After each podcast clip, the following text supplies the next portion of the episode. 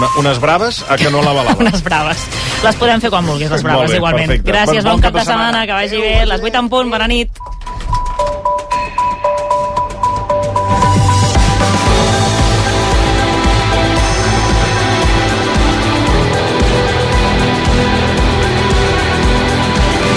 A RAC1 no ho sé, amb Anna Ballonesta. Ara ho dèiem quan falta menys d'una setmana perquè es debati l'amnistia a la Comissió de Justícia del Congrés. La llei avui ha rebut una empenta externa important. RACU ha tingut accés al document de la Comissió de Venècia que avala la tramitació i que afirma que tal com està redactada s'acull completament a la legalitat. A més, també assegura que és una eina vàlida per la reconciliació. És una informació, ara ho explicàvem, que hem sabut fa poca estona i que de seguida ampliarem des de Madrid. De fet, les negociacions de la llei tiren endavant, malgrat les traves del Suprem, que, com vam explicar ahir, investigaran els fets de Tsunami Democràtic com a terrorisme. Doncs bé, avui la vicepresidenta del govern espanyol, María Jesús Montero, anava en aquesta línia. No hay ninguna sorpresa respecto a cuáles eran las investigaciones, por tanto no provoca ninguna interferencia, ni para bien ni para mal, respecto a los acuerdos para tener una ley de amnistía que el Gobierno de España, más allá de cualquier otra consideración, le parece imprescindible para pasar página Això mentre el PP continua insistint que encara que s'aprovi, la llei no s'acabarà aplicant. En parlarem en temps de tertúlia amb la periodista i consultora en comunicació Sílvia Cànovas, el periodista Dani Sánchez Ugart, el periodista i filòleg Oriol Rivet i l'experta en economia social Dolors Camats. D'altra banda, avui també estarem pendents de les protestes de la pagesia. Encara queda un tall actiu, el de l'A2 a Tàrrega, que en principi s'ha d'aixecar demà a les 12 del migdia. També hi anirem en directe per saber si hi ha novetats. Mentrestant, en ple context de sequera, atenció també a aquesta iniciativa que vol aprovar l'Ajuntament de Barcelona, que els edificis nous que es construeixin tinguin un sistema per reaprofitar l'aigua de la dutxa pel vàter. I parlant d'edificis, un altre desallotjament avui a Badalona. Les famílies d'un altre bloc han hagut de marxar de casa seva perquè una inspecció ha detectat esquerdes al fals sostre. Això mentre continuen també les revisions dels blocs propers. De moment ja n'han inspeccionat un centenar. Sobre aquesta situació actual del Parc d'Habitatges a Catalunya en parlarem aquest vespre amb el Ton Salvador, que és arquitecte i també exdirector de model urbà de l'Ajuntament de Barcelona. I sempre parlem dels retards de Renfe, però qui últimament s'estan portant la palma són els usuaris de l'R3 de Rodalies. Farts d'aquests problemes, aquesta tarda s'han manifestat a la Garriga per reclamar solucions immediates. En temps de tertúlia també parlarem amb una persona que fa servir habi- habitualment aquesta línia per saber quin és el dia a dia dels usuaris i també quins problemes els comporten tots aquests retards. I pel que fa a la previsió del temps, demà amb el pas de les hores els núvols es faran cada cop més gruixuts, al matí hi haurà algunes precipitacions al nord de les comarques de Lleida i a partir del vespre també es compraran bona part del territori d'oest a est. Diumenge fins a mig matí encara hi haurà ruixats entre les comarques de Girona i Barcelona en un dia que serà ventós en molts indrets, sobretot al centre i al sud de Catalunya, al nord de l'Alt Empordà i també a les cotes més altes del Pirineu. De seguida tot amb més detall, ara són les 8 i 3 minuts. Pep Tormos, bona nit. Bona nit. L'amnistia, que com dèiem suma un suport internacional de nivell amb la Comissió de Venècia, que l'avala per complet.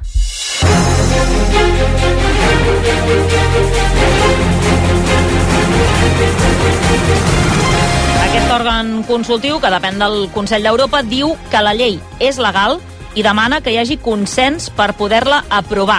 Quan falten, per tant, només sis dies perquè s'acabi el termini per pactar el text al Congrés. La llei ha rebut aquesta tarda un cop de mà, com dèiem, de renom, aquesta comissió de Venècia, que també parla de reconciliació política entre Catalunya i Espanya com un objectiu legítim. La missió va ser a Madrid ara fa tres setmanes. El PP va ser el partit més interessat en els seus informes, però a l'hora de la veritat, la comissió ha tombat tot l'argumentari dels populars. Aquesta comissió la integren exministres i primers ministres europeus i juristes de prestigi internacional. L'informe al qual ha tingut accés RAC1 deixa clar, això sí, que els delictes de terrorisme no són amnistiables. Des de Madrid, Jordi Armenteres. Sí, l'aval de la Comissió de Venècia és a tot el text íntegre. És un informe de 26 pàgines que reconeix l'existència de lleis d'amnistia a diferents països europeus i deixa clar que en cap cas és un atac a la independència judicial, al contrari, que no afecta la separació de poders perquè la norma deixa en mans dels jutges l'amnistia dels actes concrets que inclou la pròpia llei. La Comissió fa diverses recomanacions que de fet ja s'han complert totes. Aquí és on assenyala que en cap cas hi pot haver delictes de terrorisme, que l'amnistia de ser ser exclusivament pels temes del procés, que els jutges no han de compareixer en comissions parlamentàries per donar cap mena d'explicació i que s'ha d'assegurar un debat ampli per tal que tothom pugui fixar posició, cosa que ja s'ha fet. L'informe aplaudeix el títol de la llei, Normalització institucional, política i social a Catalunya.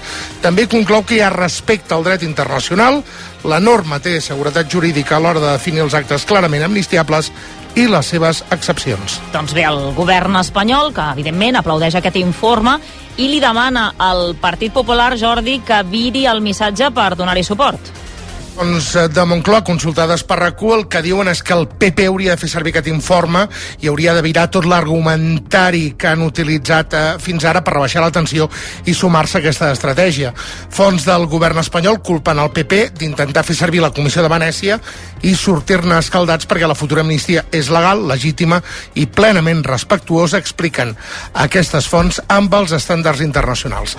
El Partit Popular de moment no fixa posició, però fons del partit sí que han explicat fa dies que no els va convèncer gens la feina de la Comissió de Venècia perquè en totes les reunions els juristes estaven més preocupats de la tramitació de la llei que no que, que, que tots els processos, vaja, es fessin bé, que no el fons del que significa per a Espanya aprovar una llei d'amnistia del procés. Gràcies, Jordi. Ara de seguida tornarem de nou amb tu. Abans, però, amb aquest suport internacional sota el braç, Junts per Catalunya i el PSOE, que mantenen les negociacions obertes també per l'amnistia. De moment, la resolució ahir del Tribunal Suprem, que investiga Carles Puigdemont i Rubén Wagensberg per terrorisme, no ha alterat l'estratègia d'uns i altres que mantenen els contactes amb una discreció absoluta.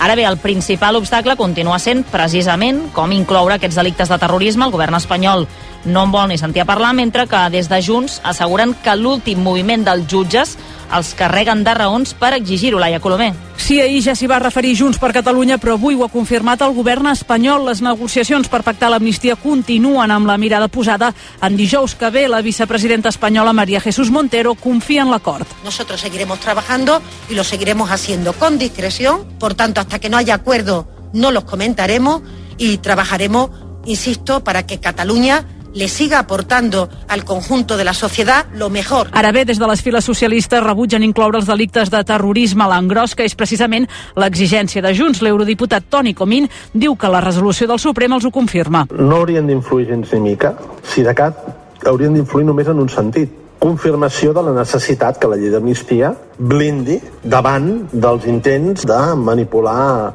el delicte de terrorisme. Una estira i arronsa que té data de caducitat. El dia 7 és l'últim dia per aprovar el dictamen de la llei a la Comissió de Justícia del Congrés. I mentrestant el PP que s'agafa amb força la resolució dels jutges del Suprem per carregar contra el text. La vicesecretària d'Organització dels Populars, Maria del Carmen Fúnez, creu que l'amnistia quedarà en paper mullat. N'ha parlat a Ràdio Nacional d'Espanya. El Estado de Derecho ayer se fortaleció frente a los intereses políticos eh, del gobierno y de aquellos partidos políticos que sostienen al gobierno. ¿Pueden aprobar la ley de amnistía? Posiblemente se cederá, Pedro Sánchez cederá y aprobarán una ley de amnistía, pero lo que está realmente complicado es que esa ley de amnistía se aplique. Aprobarán la ley, pero no se aplicará. Per la seva banda, l'advocat de Wagensberg, Andreu Van den Einde, confia que les negociacions polítiques i espera, confia amb les negociacions polítiques i espera que en surti una bona llei d'amnistia. Ara bé, en una entrevista al RQ ha donat per fet que els jutges l'esquivaran tant com puguin confio que la solució política que es farà serà la millor. En tot cas, mmm, suposo que la batalla jurídica serà ineludible. És a dir, hi hagi el redactat que hi hagi, el Poder Judicial intentarà trobar la fórmula per oposar-s'hi. Van den Inde ha evitat dir si Wagensberg anirà a declarar o no al Suprem quan el citin. Doncs bé, sobre la recta final d'aquesta llei d'amnistia, també aquests últims moviments judicials de la causa de Tsunami Democràtic, avui li hem preguntat al delegat de la CN a Madrid, Roger Pida Cabanyes, què en pensa.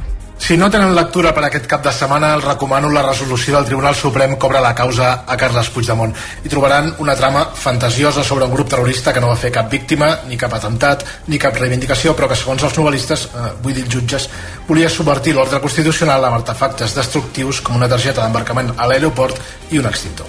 Tothom sap, i també els jutges, que el tsunami democràtic no era terrorisme, però la realitat passa a un segon pla quan hi ha un objectiu molt més important. I aquest objectiu no és altre que deixar sense efecte la llei d'amnistia, torpedinar els acords entre el PSOE i Junts i, si pot ser, fer caure el govern de Pedro Sánchez. No és cap casualitat que la resolució del Suprem arribés ahir quan tot just Junts i el PSOE tenien pràcticament enllestit un acord sobre la llei. De moment, la Comissió de Justícia la setmana que ve, on s'havia d'aprovar la llei, ha desaparegut de l'agenda del Congrés. Tant de bo tot plegat serveixi perquè uns i altres entenguin que regalar temps a la imaginació dels jutges només serveix per complicar i molt l'argument. Gràcies, Roger. I més enllà de l'amnistia, l'altre gran tema d'aquesta setmana en l'agenda política ha estat el cas Coldo. Ara el PP s'abraona sobre Francina Armengol i demana la dimissió de la presidenta del Congrés dels Diputats. L'equiparen a José Luis Ábalos en tota la trama d'aquest cas.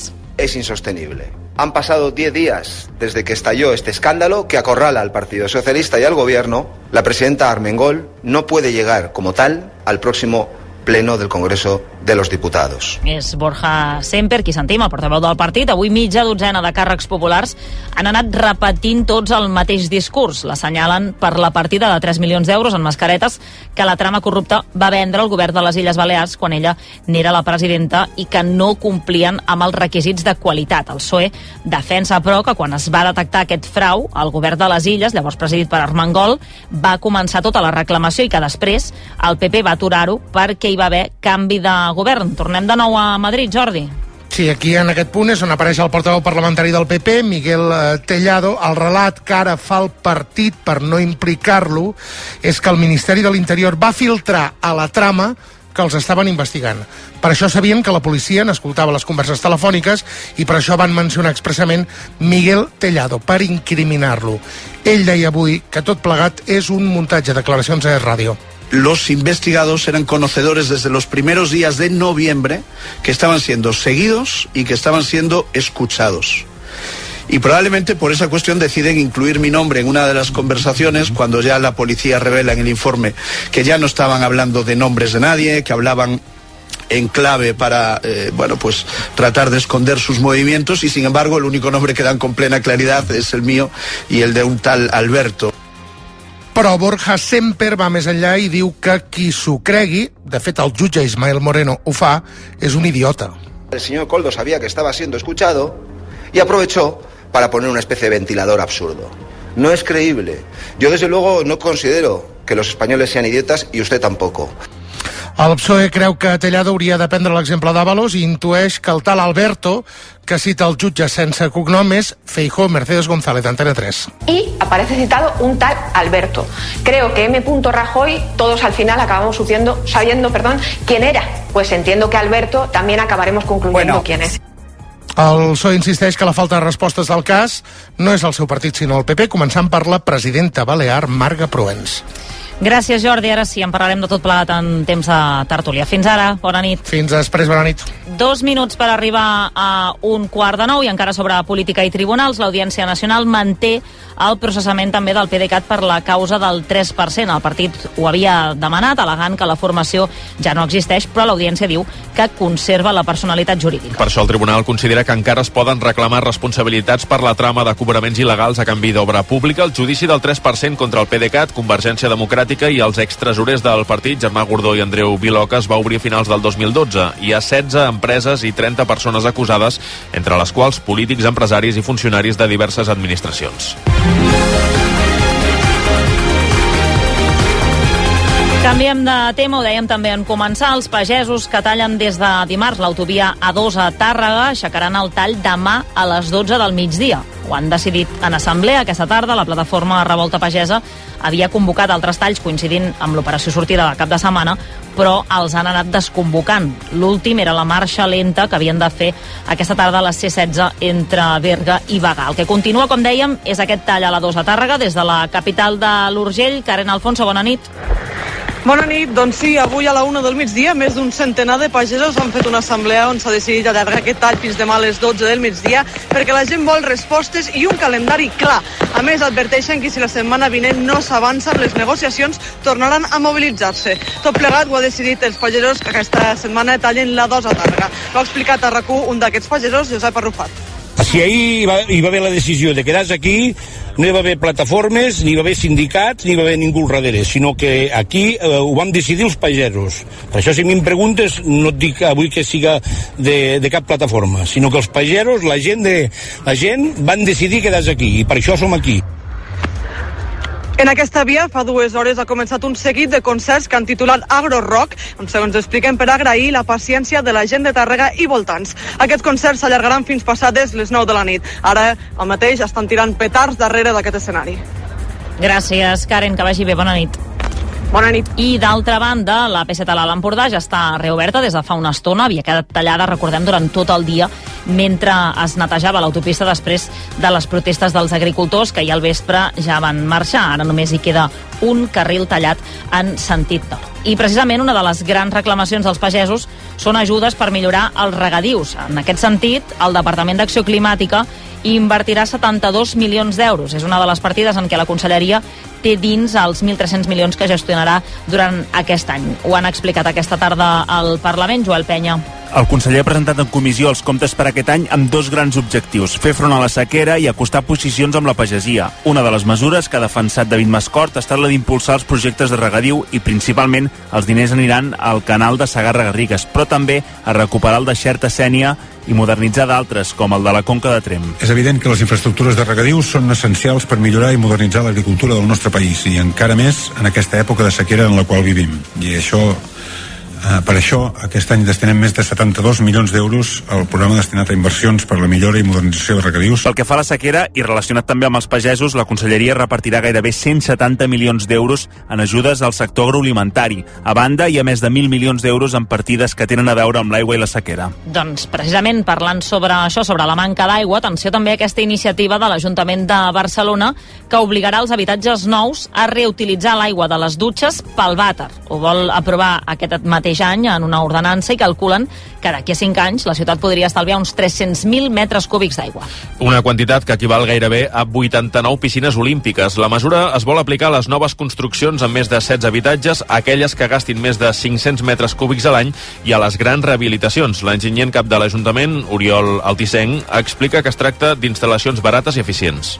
Són instal·lacions que requereixen una petita inversió, però que comporten un gran estalvi d'aigua i un estalvi econòmic. Estem parlant d'un estalvi econòmic al voltant de 170 euros amb un conjunt de, de 50 habitatges i estem parlant d'un potencial d'estalvi d'aigua elevadíssim. D'aquesta manera, Barcelona se sumarà a Sant Cugat del Vallès i Vilanova i la Geltrú, que ja obliguen a incorporar sistemes de reaprofitament d'aigües grises.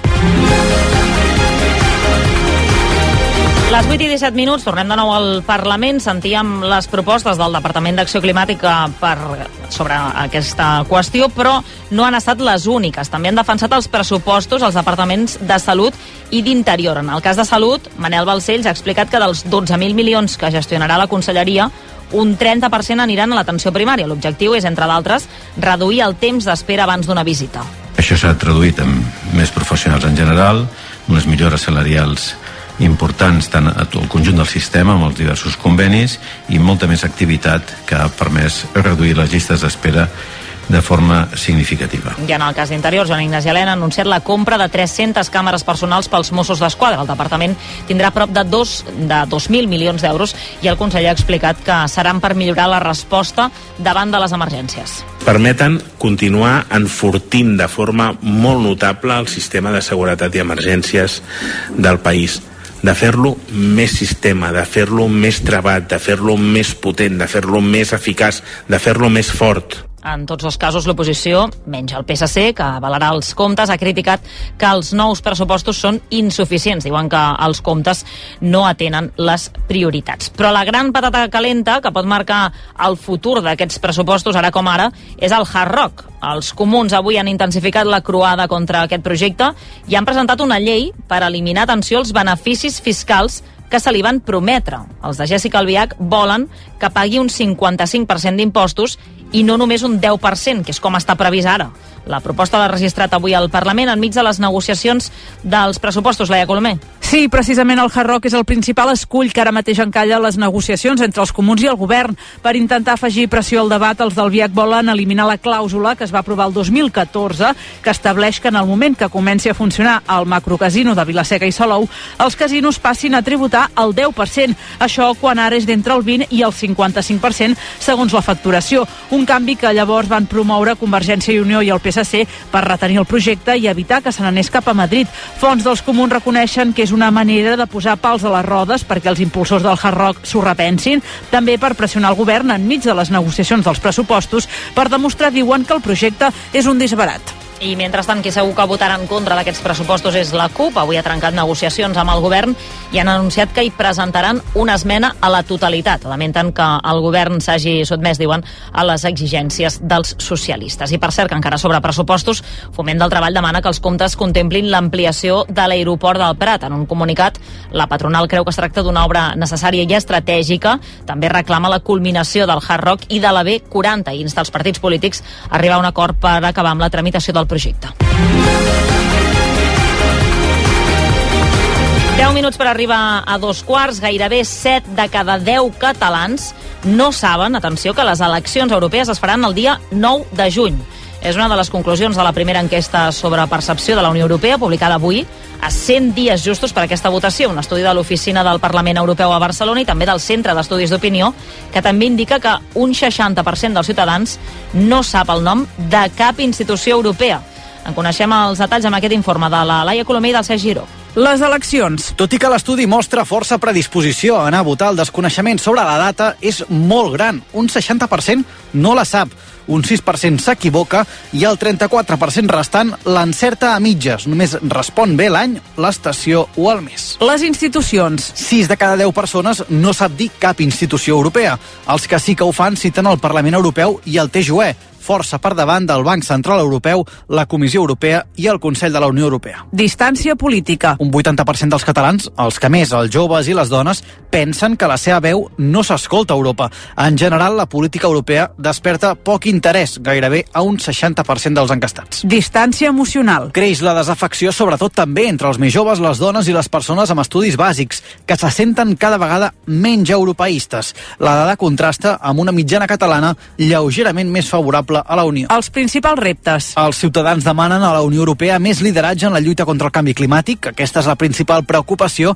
També preocupa la immigració i qüestions relacionades amb la defensa. Doncs bé, les eleccions europees, que com dèiem seran el 9 de juny i que obriran un cicle electoral que continuarà d'aquí a un any aproximadament amb les eleccions catalanes. I per aquesta cita electoral ja ha començat també la consulta interna de l'Assemblea Nacional Catalana per decidir si impulsa una llista cívica. La votació que es tancarà el dia 14 d'aquest mes és telemàtica i en una vuitantena de punts presencials. El resultat es farà públic el dia 16 de març. Serà durant l'Assemblea General Ordinària a Taradell. Els socis responen si estan d'acord que l'Assemblea impulsi una agrupació d'electors per tal de fer efectiva la independència. Segons la presidència de l'entitat, la candidatura tindria una doble estratègia. Operacionar els partits independentistes per reactivar la declaració unilateral d'independència amb el control del territori o bloquejar la legislatura al Parlament. La proposta, però, ja ha generat malestar intern. Més de 130 càrrecs i excàrrecs van presentar un manifest denunciant que la iniciativa qüestiona la pluralitat i la transversalitat de l'NC i incompleix els estatuts.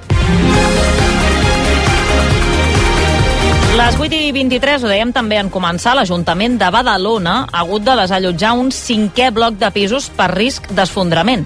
Ara per ara són gairebé un centenar les famílies que estan evacuades entre els cinc edificis. edificis L'ensorrat fa unes setmanes i quatre més. L'últim és el número 116 del carrer Ausiàs Marc, situat just darrere de l'edifici que es va enfonsar i que va deixar, recordem, tres morts. La decisió s'ha pres després d'unes altres inspeccions tècniques en què s'han detectat esquerdes al fals sostre de la quarta planta. L'alcalde de Badalona, Xavier García Albiol, ha confirmat aquesta tarda que només tres veïns del bloc han necessitat allotjament s'ha fet de manera molt endreçada, s'ha ofert a aquelles persones que no tinguin un habitatge al poder doncs, anar amb una pensió. De tot el bloc que ja s'ha comunicat a tothom només hi ha tres eh, famílies que necessitin aquest tipus d'acompanyament. La Generalitat ha ofert sostre a quatre famílies més que fins ara dormien en hostals. Ara bé, l'alcalde de Badalona ha dit que es tracta d'uns habitatges que estaven compromesos per usos socials. Per això, demana més ajuda. Que demanaria, home, que féssim un esforç eh, sincer eh, extraordinari perquè estem davant d'un fet extraordinari, no? I, home, sí que està molt bé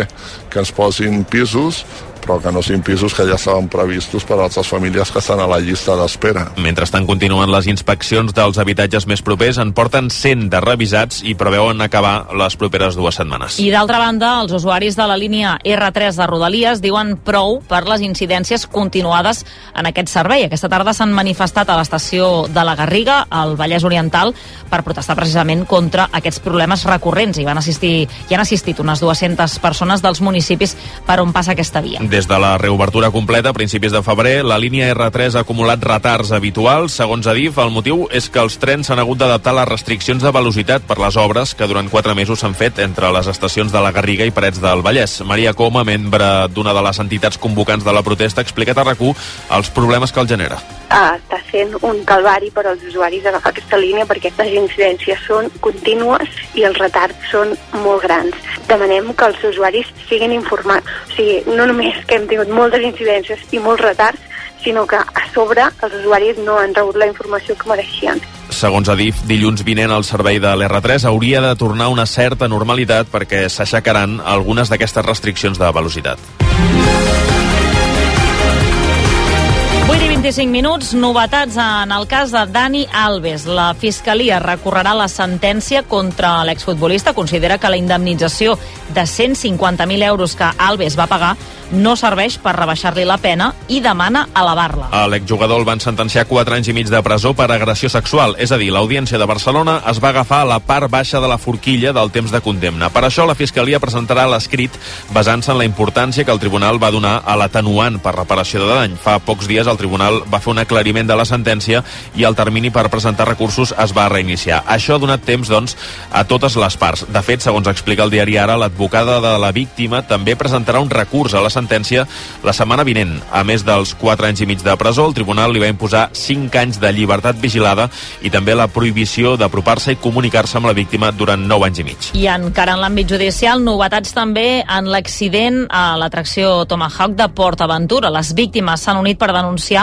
el parc. Són 13 afectats per la caiguda d'un arbre sobre una muntanya russa infantil. En té més detalls des de Tarragona, l'Esteve Giral. A l'espera encara que els Mossos d'Esquadra lliurin l'atestat policial de l'accident amb el testimoni dels passatgers que anaven damunt de la muntanya russa i també dels treballadors i responsables del parc, 13 dels 14 ferits han decidit denunciar PortAventura per un presumpte delicte de lesions. Sergi Ramos és l'advocat de les famílies i ho ha avançat avui a la CN. Demanarem el rescabalament de les màximes indemnitzacions possibles per als nostres representats i, en el seu cas, les possibles penes aparellades a cada delicte. El fort vent que bufava aquell dia a tota la zona és la causa més probable de caiguda de l'arbre a tocar dels raïls de la muntanya russa. La vagoneta no va frenar i 14 dels passatgers van patir ferides de diversa consideració al rebre l'impacte de les branques de l'arbre caigut. Tres dels passatgers van haver d'ingressar a la unitat de cures intensives. Un d'ells segueix encara ingressat a l'Hospital de Bellvitge. Hi han successos a Mallorca. El nen de 4 anys que hi va morir a Magaluf, atrapat a dins d'una secadora, estava jugant a fet i amagar. S'hauria quedat tancat a dins i no en va poder sortir. La seva àvia havia marxat de casa i la seva tieta es va dormir al sofà. Quan la dona va tornar, va despertar l'altre i es van posar a buscar el menor. Finalment, el van trobar sense vida dins de l'electrodomèstic. Tot i que van trucar als serveis d'emergències, aquests no van poder fer res per reanimar el nen que presentava signes d'asfíxia. Ara se li farà l'autòpsia per confirmar la teoria dels investigadors. I a València, vuit dies després del tràgic incendi al bloc de pisos en què van morir 10 persones, avui ens han arribat bones notícies. Els bombers han pogut rescatar un gat que s'havia quedat atrapat a l'edifici. Te traigo.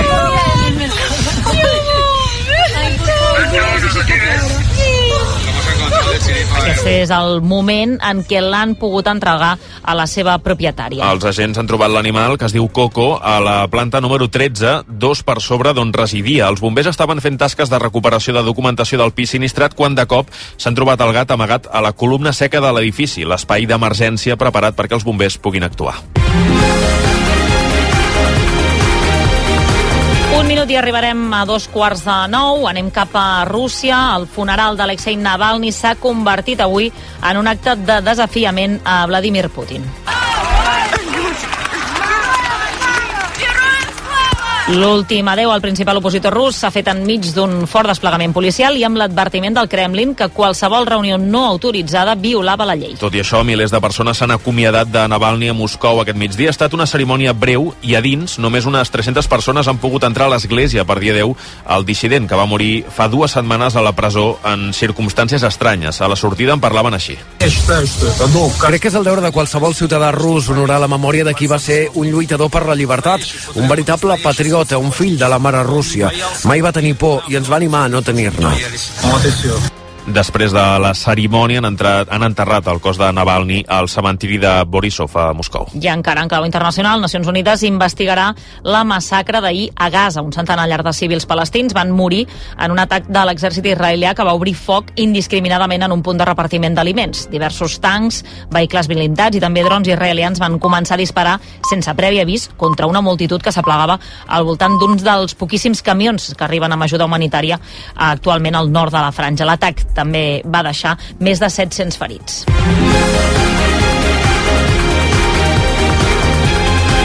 I atenció a aquesta dada, una de cada 8 persones del món té obesitat. Ho diu un estudi publicat a la revista de Lancet. Es tracta de la malaltia crònica més habitual provocada per la malnutrició, Jordi Claret. La recerca es basa en una investigació de l'OMS que s'ha fet amb dades de més de 190 països. Aquesta indica que entre els nens i adolescents la taxa d'obesitat al 2022 era quatre vegades superior a la de l'any 1990. L'informe detalla que mentre la malaltia s'ha estabilitzat en molts països rics, s'ha disparat en altres parts del món com Àsia o Llatinoamèrica. Una radiografia que reprodueix també el país. Els experts asseguren que l'entorn sociocultural és clau per al desenvolupament d'aquest tipus de malalties cròniques. Ho ha explicat a RAC1 Violeta Moicé, dietista dietista i nutricionista de l'Hospital Clínic de Barcelona. Per exemple, al barri de Sarrià hi ha una prevalença d'obesitat que és triplicada per eh, el barri de la Mina. A escasses parades de metros tenim una diferència en la prevalència d'obesitat molt gran. Per la doctora també són importants altres factors com la petjada i l'estigma de l'obesitat.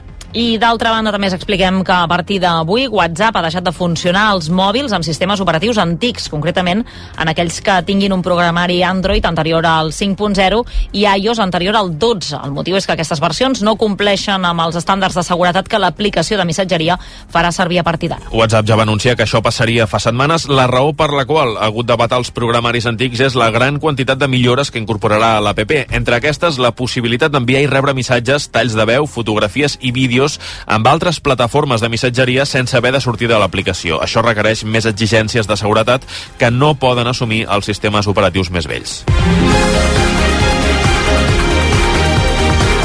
Les 8 i 32 minuts i a aquesta hora Màlaga dona el tret de sortida a la 27a edició del Festival de Cinema. Ya nadie recuerda los tiempos oscuros cuando la amenaza de los nigromantes se cernía Ho fa sobre amb aquesta projecció de Guardiana de Dracs, que és una cinta d'animació coproduïda entre Espanya i la Xina i que ha dirigit el barceloní Salvador Simó. Més detalls des de Màlaga, enviat especial de RAC1, del Martínez. Simo ha dirigit una producció molt ambiciosa amb un pressupost de més de 20 milions d'euros i que adapta a la gran pantalla la saga de novel·les homònima amb milions de còpies venudes arreu del món. A Catalunya la cinta ja es podrà veure el proper 19 d'abril. El director ha explicat a RAC1 que han volgut ser el més fidels possible a la Xina imperial que recrea la cinta. Tots recordarem aquella pel·lícula de Missió Impossible on a Sevilla hi havia les falles a la Setmana Santa i no sé què cosa més, no? I nosaltres no volíem això. Teníem un codirector xinès que la seva funció era una mica cuidar la fidelitat a la cultura xina, no? Abans de la projecció, però, a aquesta hora s'està fent la gala inaugural del festival amb la presència del ministre de Cultura Ernest Urtasun i que també comptarà amb l'actuació del català Nil Moliner i un reconeixement a l'actriu Lola Herrera. Gràcies, Eudali, del cinema al teatre, on la iniciativa Cap Butaca Buida ja ha venut més del 50% de les localitats quan falten dues setmanes per la cita. EAE Business School us ofereix aquest espai. La primera diada del Teatre Catalunya es farà el dia 16 de març i per ara ja ha venut unes 31.000 entrades. Tot i això, els impulsors fan una crida per acabar d'omplir les butaques dels 145 espais escènics del país que se sumen a la proposta. En total hi haurà disponibles 60.457 butaques. Les entrades es poden comprar al web Cap Butaca Buida. Si vols canviar de vida i estudiar en una business school que lidera els rànquings, o canviar un pla de desenvolupament personalitzat, flexible i amb una xarxa de contactes potent, Work to Change. Entra a eaebarcelona.com i comença el canvi en una escola de negocis creativa, acollidora i innovadora. EAE Business School. We make it happen. I encara en cultura, el Palau de la Música acollirà la temporada que ve l'actuació de dues de les tres millors orquestres que hi ha al món.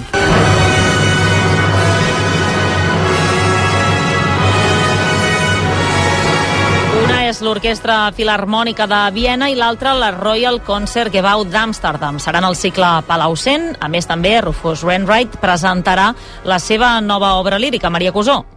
Es titula Dream Requiem i és una coproducció amb el Palau de la Música. Wainwright presentarà l'obra el 25 de gener de l'any que ve, en la que serà també l'estrena a tot l'Estat. Una actuació que, a més, comptarà amb la participació de l'Orfeó Català. En parla la directora artística adjunta del Palau de la Música, Mercedes Conde. Com a encàrrec i com a obra, realment és, és, és una incògnita saber com sonarà. Esperem realment doncs, una obra que ens sorprengui, que, que permeti doncs, la fusió entre la música clàssica i el gènere més popular i sobretot amb la participació de l'Orfeo Català.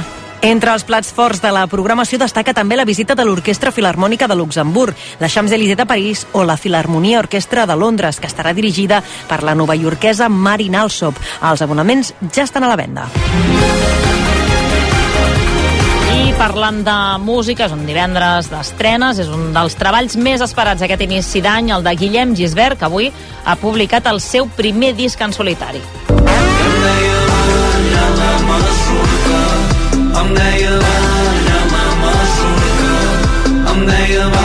Porta el mateix nom que la cançó de presentació que ara sentim. És el primer, com dèiem, en solitari del cantant de Manel després de 15 anys amb la banda. Un treball d'11 temes on també trobem aquest estudiantina. És la terrassa de bar on es van conèixer els estudiants.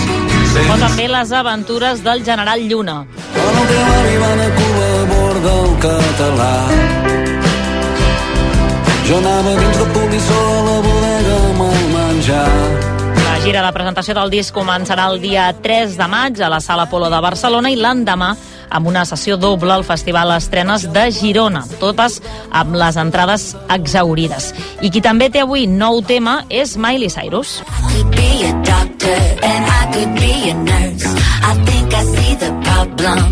És una col·laboració amb Pharrell Williams que es titula Doctor Work It Out i que és el primer avançament del seu proper disc que es publicarà el 12 d'abril. I també afegim una data al calendari de Divine Comedy se suma a la programació de l'Alma Festival. Els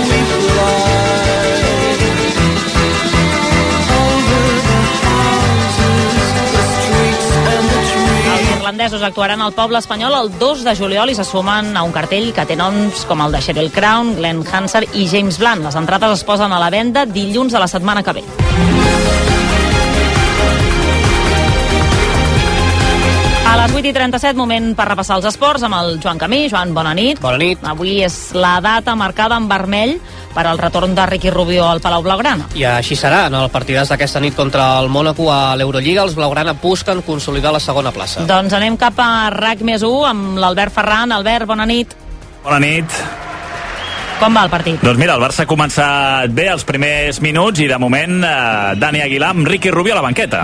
Sí, després d'una ovació espectacular que li ha brindat un Palau Blaugrana que cada vegada és més ple. Ricky Rubio, que de moment comença des de la banqueta, xerra amb els companys, tindrà minuts al base del Masnou, que redebutarà amb el Barça després de 12 anys i 11 mesos. Al marcador 6-50 per al final del primer quart. Ha sortit bé el Barça, Barça 9, Mónaco 4.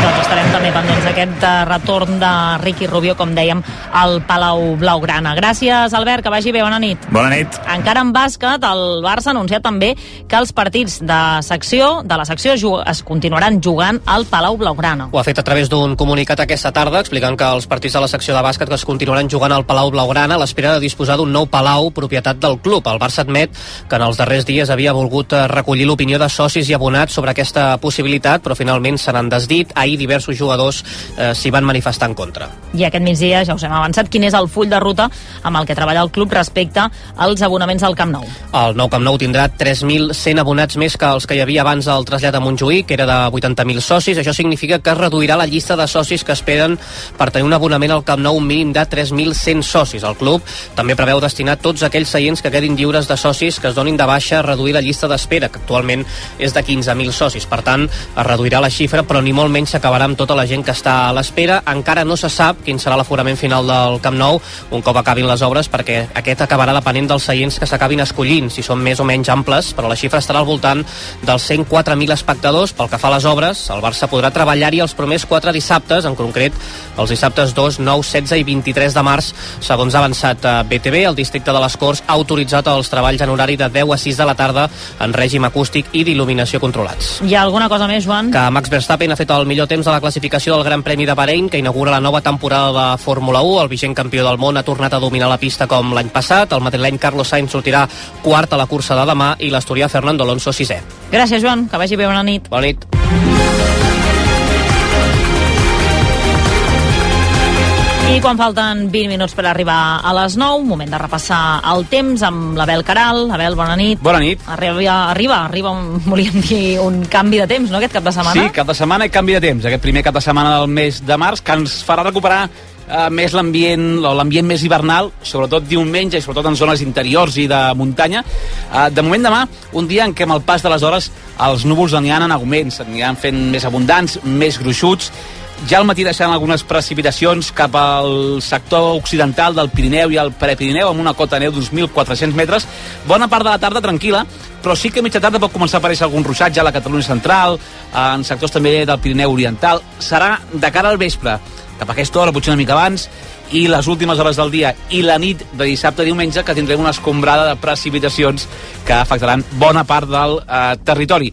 Una escombrada de precipitacions que vindrà acompanyada d'una baixada de temperatures i això farà que ja avançada la nit i la matinada de dissabte a diumenge la cota neu pugui rondar els 700 metres. Per tant, ah. compte perquè diem que demà en un primer moment a 1.400 metres, però la matinada de dissabte a diumenge... Però quines la matinada zones, diumenge, a 700? Doncs eh, a tot el territori. El que passa que la matinada ja gran part d'aquesta precipitació haurà, haurà ja eh, acabat o estarà acabant d'això de, de, de, de, d'escombrar a Catalunya, però sí que en àrees de la Catalunya central, eh, de les comarques de Girona, eh, Pirineu, Prepirineu, eh, doncs hi pot haver neu això a partir d'uns 700, 600, 700 metres. Diumenge, encara matí, fins a mig matí, alguns ruixats a les comarques de Girona, Barcelona, nord de les de Tarragona, però ràpidament escamparà, els núvols en molts casos no acabaran de marxar, però en tot cas això sí que notarem que les temperatures reculen. I un diumenge ventós a uh, moltes comarques. Uh, Vaja. sí, sí, sobretot centre i sud de Catalunya. Uh, que tinc aquí un tertulià que, em- que em va fent que em va fent Gestos, com si fos fa de vent, et fa una mica Ah, d'acompanyament. És que tinc pàdel, llavors em Ah, preocupa. que tens aquesta- pàdel. Les consultes personals després, eh, Oriol.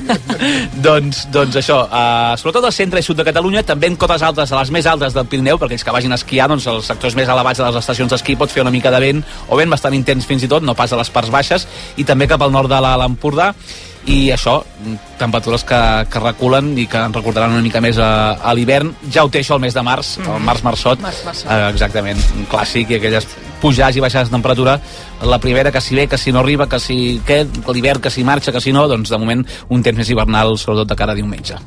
doncs estarem pendents també d'aquest canvi de temps. D'aquí una estona ens ho actualitzes Perfecte. per si hi hagués algun canvi. Molt bé, miro Gràcies. el tema del pàdel de Exacte, mira-li a l'Oriol i El després ja... el- el pàdel és fatal. Fatal, ja eh? expliques. Molt bé. Gràcies, Abel. Fins ara, que Fins vagi ara. bé. Les 8 i pràcticament 43 minuts. A RAC1, no ho sé, amb Anna Ballonesta.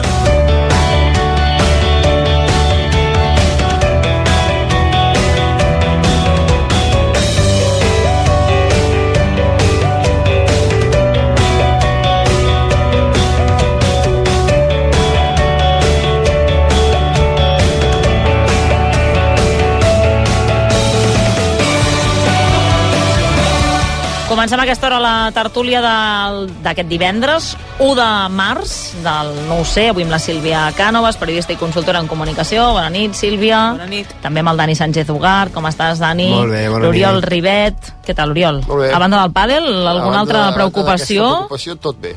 Molt bé, perfecte. I també la Dolors Camats. Dolors, com estàs? Hola, molt bé. Tens alguna preocupació concreta del temps per aquest cap de setmana? Alguna cosa que et prou... no, eh? Haig de dir que a mi el març i el vent m'agrada. El vent t'agrada? Ja, sí, Oh. oh, soc rara, Oh. però... Jo, mira... Suporto el- millor el vent que la pluja. Ja ho he dit molts cops, sóc molt pesada, però jo el vent és el pitjor. No. Sí, sí, o sigui, Sí, ja, ja. prefereixo que plogui. No Home, m'atreveixo a dir-ho gaire, però... doncs, Ja per no atrevir-te a dir-ho gaire, doncs potser t'has sentit eh, algunes quants, desenes de, de persones dir-ho, però Ja, ja. vaja. Un dia podríem fer una enquesta no, a xarxes de dir quin és el fenomen meteorològic que més odies? La pluja, el La pluja- vent... la pluja ara ens- No, ja, ja. Clar, no, no, ara, ara queda molt... Només li falta això a la pobra Queda pluja. molt malament. No, però em refereixo quina és la cosa que... Bueno, és igual, no, no. no, El- no jo crec que guanyaria el no vent. puc arreglar. Jo diria que guanyaria. Però el vent et pots tapar, és agradable tapar-se amb el vent. La pluja és cala, que- és humida... Si has de fer no activitats a l'aire lliure, Dolors, al vent, Sí, home, sí. mira, si estàs tancat a casa... Clar, ja, ja. Però els que tenim migranya, No aquí a la taula crec que hi ha la Sílvia, eh, quan fa vent, això ens afecta, eh? Sí? A la migranya. sap greu.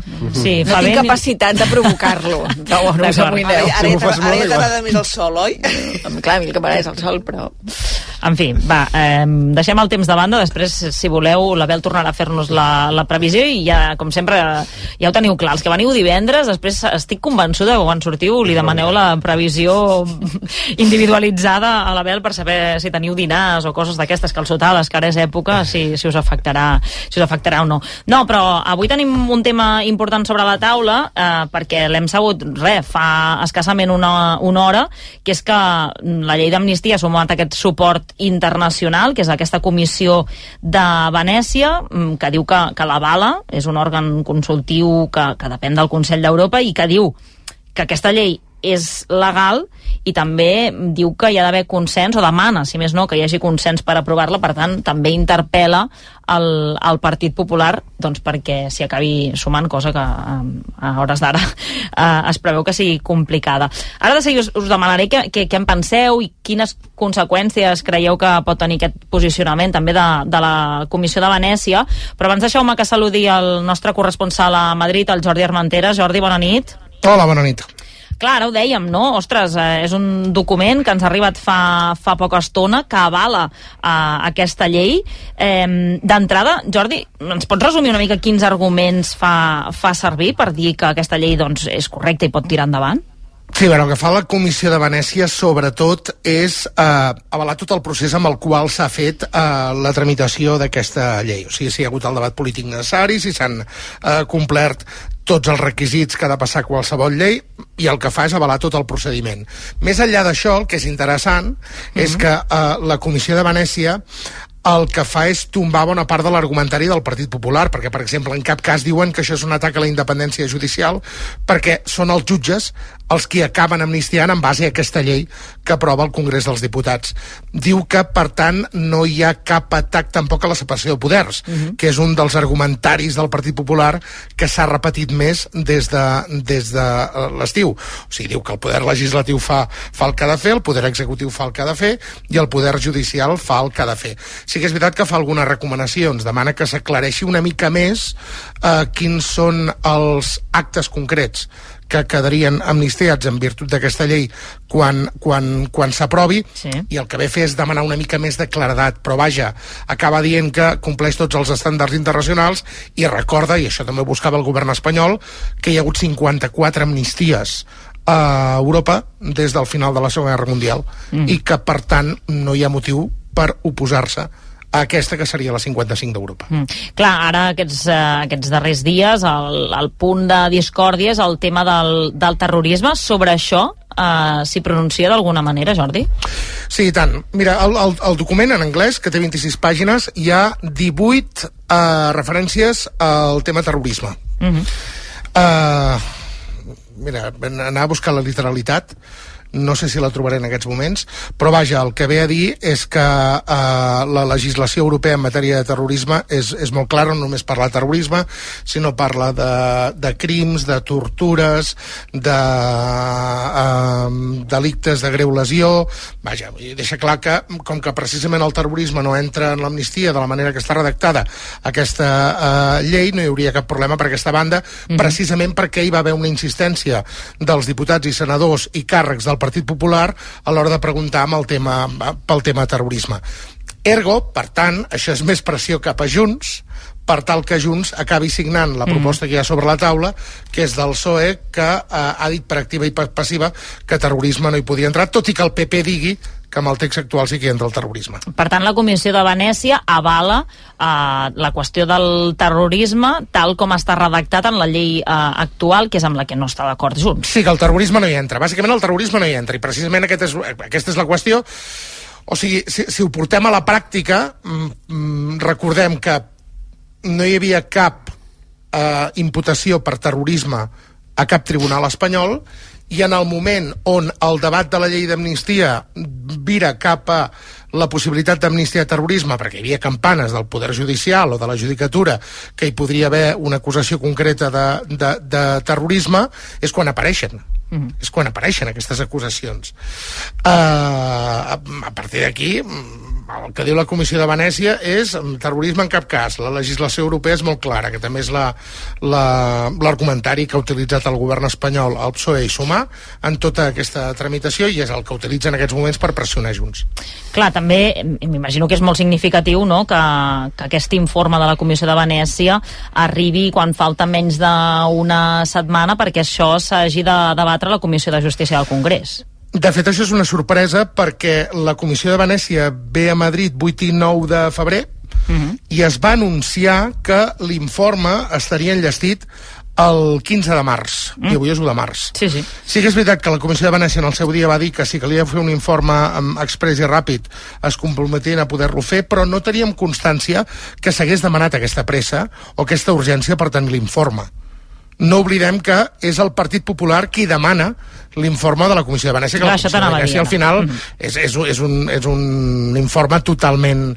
Eh, que no és vinculant, vaja. O sigui, no s'hauria de complir, mm, en cap cas. Dir, segurament aquest serà una part de l'argumentari del Partit Popular demà, recordant que els informes de la Comissió de Venècia no són vinculants per cap, per cap govern. És un òrgan consultiu, Mm. supraeuropeu, perquè no només eh, inclou la Unió Europea, sinó que inclou al voltant d'una cinquantena, d'esta- cinquantena d'estats de, de tota Europa i fa informes jurídics bàsicament per protegir les constitucions de cada país. Quin forma part? Perquè estem aquí parlant de la Comissió de Venècia, que fins fa segurament uns mesos no, no sabíem pràcticament ni que existia. Mm. Quins són els membres d'aquesta comissió? Són especialistes, són juristes, són polítics? Sí, bàsicament ho has dit tu. Hi ha exministres, sobretot de, de justícia, hi ha algun exprimer ministre de països europeus eh, petits, i hi ha juristes no només a escala europea, sinó a escala internacional, també. O sigui, hi ha mm, juristes d'altres continents que formen part d'aquesta comissió de, de Venècia, que de fet es diu Comissió de Venècia perquè té la seu a Venècia, però el nom real és Comissió Europea per la Democràcia a través del dret. Mm -hmm. Ho hem, I fet, això, ho hem escurçat una miqueta. no, des de la, no, però tothom l'hem conegut. A veure, recordeu que la Comissió de Venècia fa, deu fer 5-6 anys, ja en vam parlar perquè la Comissió de Venècia avalava que hi pogués haver un referèndum en una part d'un país del món, que és el que passava en Catalunya. Mm -hmm. Això la Comissió de Venècia en el seu dia ho va avalar. Sí que és veritat que demanava condicions i demanava l'acord. I aquest era un, un dels argumentaris per dir-li a Espanya que s'avingués a fer un, un referèndum, perquè en el seu dia la Comissió de Venècia avalava que es poguessin fer. Clar, Jordi, tu deies, formen part eh, diferents em, exministres, especialistes, juristes, però això no sé si, si ho sabem o no, però els que van venir, aquesta comissió que va venir a, a Madrid fa uns dies, el 8 i 9 de, Sí. de febrer, se sap si majoritàriament hi havia membres del que seria el Partit Popular Europeu o hi havia més tendència cap al um, altre, altres partits més d'esquerres o, o estava bastant equilibrat? És a dir, clar, la configuració d'aquesta comissió també pot determinar que la resolució vagi cap a una banda o cap a l'altra. No tinc els noms aquí en aquests moments. Eh, pel, recordo d'aquell, pel que recordo d'aquells dies que vam estar cobrint aquestes reunions, que més no ens van deixar parlar amb ells, això és el més trist de tot, i ho vam provar-ho eh, molt, eh, era és, és, la comissió és molt transversal, òbviament, ja no només és un tema de dretes-esquerres, PP-PSOE, E, que són els dos grans partits al si de la Unió Europea, mm, sinó que estem parlant de totes les corrents que hi poden haver tot el continent i en són moltes més. Si no vaig errat, són entre 16 i 20 membres i en la missió n'hi van venir la meitat. Uh -huh. La meitat dels que integren la Comissió de Venècia van venir. Una altra cosa és que llavors hi hagi eh, un equip molt ampli per poder fer aquests informes. Clar. Sílvia, què volies uh, preguntar-li? Jo, en el fil que et deia ara, uh, de que explicava l'Anna, de les famílies um, europees que, que hi pertanyen, jo, si no recordo malament, una d'aquestes reunions que van venir um, que vam fer visita a Madrid, si no me'n recordo malament, um, per situar una mica uh, cap a on tendia tot, eh? Uh, uh Mhm. -huh. Es parlava que la presència de la Dolors Montserrat, per exemple, era com lo més extrem.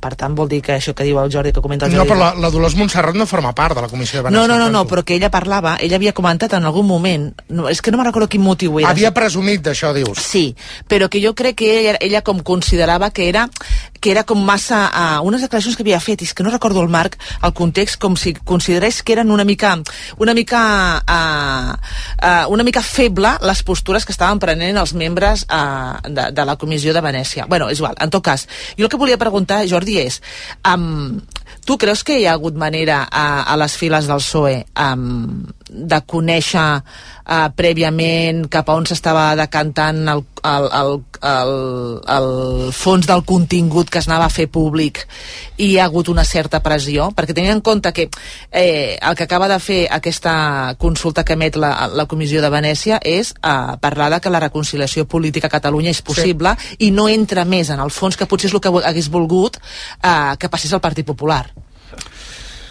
Sí, a veure, no sabem l'intríngulis de, de... Això van ser dos dies i mig de reunions, dos dies i mig. Um, analitzem una mica, si volem, amb qui es van trobar. Perquè es van, es van trobar amb la Comissió de Justícia del Congrés, que és on s'està negociant aquesta comissió d'amnistia, es van trobar amb la Comissió de Justícia del Senat i després hi van anar diverses delegacions. Entre d'altres, una representació de la Generalitat, també. Però en van ser unes quantes més. Llavors, si analitzem tota la documentació que tenen i papers, en van entregar molt clar. Al final hi ha Partit Popular i Vox en una banda, però és que hi ha tota la resta a l'altra banda tota la resta de partits polítics a l'altra banda i llavors si sumem altres eh, organismes eh, com pot ser eh, el mateix govern espanyol eh, la Generalitat de, de Catalunya eh, van anar també al Consell General del Poder Judicial. Eh, probablement ens trobarem que de documentació a favor de la llei d'amnistia n'hi ha molta més i molt més argumentari per poder defensar mm, el text que hi ha en aquests moments sobre la taula que no això. A veure, no recordem una abans ho dèiem també a les 8 del vespre, el Partit del Popular feia dies que tenia la mosca al nas per una cosa, perquè estaven decebuts que la comissió es fixés més en tot el procediment, si s'havia fet bé, tenint en compte més que molts països han aprovat amnisties, que no en el fons de la qüestió, que és el que suposa amnistiar el procés d'independència de Catalunya, que va sortir com va sortir. Llavors, el PP ja feia dies que estava dient ai, ai, ai, ai, ai, ai, ai, ai, ai. Ni les persones, no? Jordi, també crec que s'han fixat eh, o que destacaven el títol no, de- d'aquesta llei, que és com que ho consideraven un... L'aplaudien. Sí, exacte. Sí, sí, li- l'informe aplaudeix el, el, el títol de, de la llei Um, ostres, no, no, no el tinc escrit aquí en aquests moments, però a veure... El, el Sí, pel concepte la de llei, reconciliació, Ara el busquem, sí. sí. Sí, sí, Reconciliació o sigui, política, no era? Sí, sí, entenc per Ah, això. no, normalització institucional, exacte. política i social política de i social Catalunya. de Catalunya, exacte. Exacte, sí. Mm, Que començant pel títol, o sigui, és un bon punt de partida que exemplifica molt bé i sorprèn que la comissió, que aquí no hi hauria tampoc de dir res si no volgués, acabi aplaudint aquest títol. Alguna cosa més? Algun dubte que li voleu preguntar al Jordi sobre, sobre aquesta qüestió? No, eh? Doncs, eh, en tot cas, Jordi, clar, anava a dir, mm, això... Aquí la sorpresa és que aquest informe Sí. és bastant més clar del que tothom creia que seria. Mm, clar, i, fa, fa una mica aquesta sensació. I això lliga amb el que t'anava a preguntar, que és, evidentment, avui és divendres, ha sortit això a, a aquesta hora, abans que comencéssim el, el sumari, no hi ha reaccions encara, Però quina serà mm, la lectura que en farà el Partit Popular d'això? Perquè no deixen una posició gaire, posició gaire bona el, tots No, els tots els arguments que estan fent servir fins ara, no? Ja veurem, demà mm, Alberto Núñez Feijó té un acte a les 11 del matí. És veritat que Alberto Núñez Feijó és lent a l'hora de eh, reaccionar, depèn de quines notícies, i més si no són de la seva corda. És una estratègia política tan legítima com altres. No en tinguem cap mena de dubte que Pedro Sánchez demà traurà pit d'aquest eh, informe. Té un acte a Roma a les 11 del matí amb el Partit eh, Socialista Europeu. Hi ha una convenció d'aquestes socialistes europeus que es fa a Roma, la inaugura Sánchez, que és president de torn dels socialistes europeus, del partit, i, i, i a partir d'aquí podem donar per fet que és curiós que hagi sortit ara al vespre quan estava anunciat pel 15 de març. Sí. No oblidem que venim d'una setmana horribilis Eh. pel govern espanyol, amb no només l'amnistia penjant d'un fil, sinó amb tot el cas Coldo, que ha sac- ha sacsejat tota la, la situació política a Madrid, i venim de votacions que ha perdut un altre cop el govern espanyol al Congrés dels Diputats. És una empanteta, no? sumant tot un altre dia i de cop i volta ara arriba un cop a l'espatlla per la seva gestió que ja veurem com es materialitza al llarg dels propers dies i sobretot la setmana entrant que és el deadline per poder acabar tancant aquesta llei Potser d'amnistia. hi, ha, potser hi ha reunions eh, interessants al cap de setmana. I això és una empantenta, com diu l'Anna.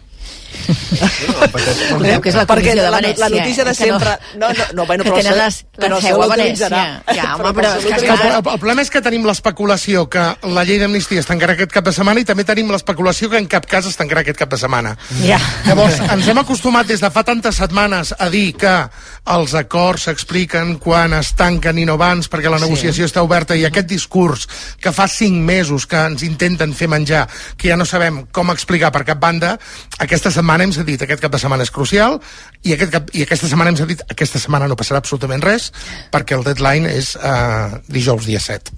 És dijous dia 7 per la, per la comissió però el ple és la setmana següent, el 14. Per tant, i a més coneixent com van les negociacions de Junts i el PSOE, si haguéssim d'especular, anem, anem a l'últim moment. No, no, segur, segur. Una altra, Últim cosa moment, que, últim minut. una altra cosa és que ho tingui decidit i, i acordat, però no, no ho direm fins al dijous 7. Dani, què anaves a dir? Abans anaves a dir alguna cosa, em sembla. Uh, no, una pregunta també.